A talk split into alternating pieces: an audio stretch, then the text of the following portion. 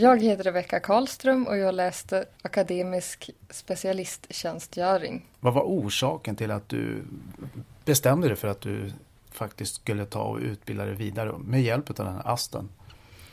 Ja, för att få en fast tjänst inom psykiatrin så behöver man ha vidareutbildningen och därför så vill jag söka och bli specialistsjuksköterska inom psykiatri.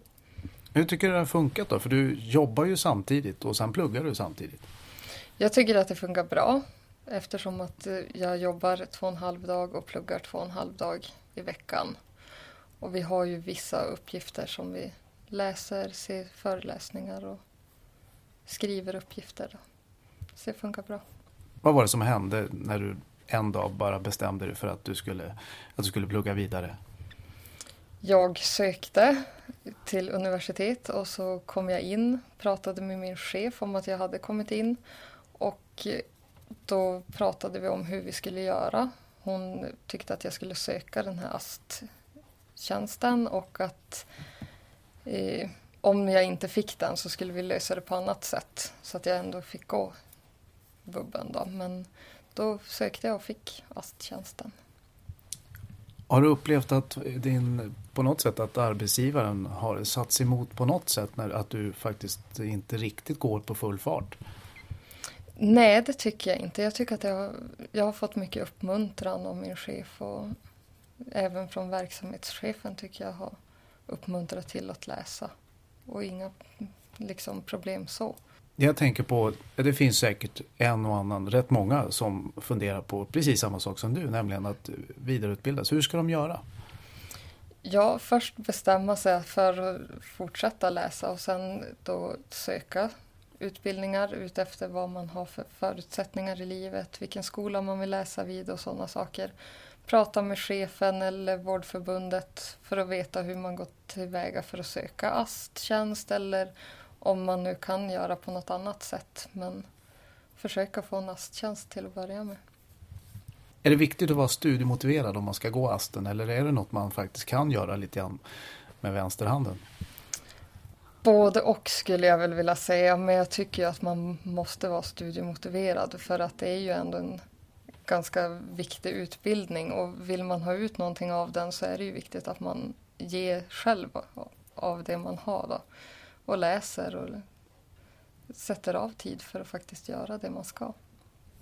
Du är ju småbarnsförälder och har man och du har alltså familj. Går det att kombinera att, att utbilda sig samtidigt? Absolut. Barnen går på skola och man kanske har dem på dagis om de är mindre än mina.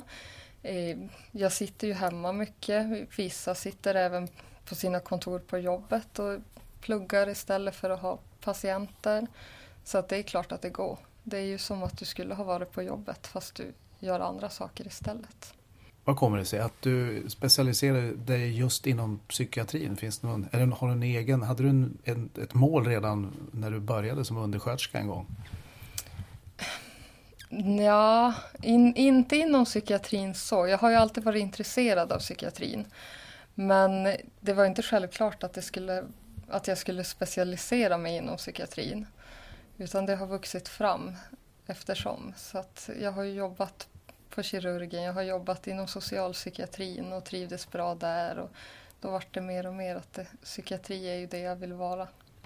Och sen då, dina ambitioner efter det? Nu blir du snart specialistsjuksköterska inom psykiatrin. Är det, vart, vart tar du vidare vägen sen då? Förhoppningsvis så stannar jag här några år till och jobbar och får mer erfarenhet.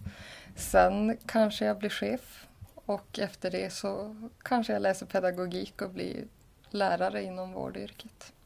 Och psykiatrin då? Vad är det, vad är det som fascinerar? Människan är så komplex så att jag vill lära mig mer om det och försöka förstå människan på ett bättre sätt. Och även då hjälpa dem som mår dåligt eftersom att alla har vi varit där någon gång. Om det är så är sorg eller något annat dåligt mående inom psykisk ohälsa och den ökar väldigt mycket.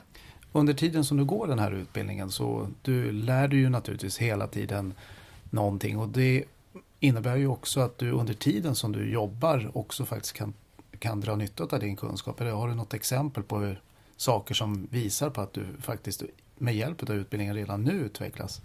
Ja, eh, första kursen jag läste handlar mycket om relationsskapande och hur man liksom ska bemöta patienter och utgå personcentrerat.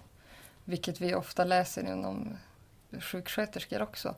Men här var det så mycket tydligare och vi hade konkreta förslag på hur vi skulle göra. Vi får liksom läsa mer om patienternas upplevelse av hur de blir bemötta och sådana saker. Så att där tycker jag faktiskt att jag lärde mig jättemycket och har kunnat ta del av det när jag sitter i telefon. Hur jag bemöter patienten i telefonrådgivningen till exempel. Du är ju ändå relativt ung, du är 32 år. Är det, känner du att även om man är 48 eller 50 eller någonstans, eh, tror du att man kan motivera sig tillräckligt för att plugga vidare? Absolut, det tycker jag. Jag har även en kollega som började plugga till sjuksköterska sent och som även har läst vidareutbildningen och det är aldrig för sent.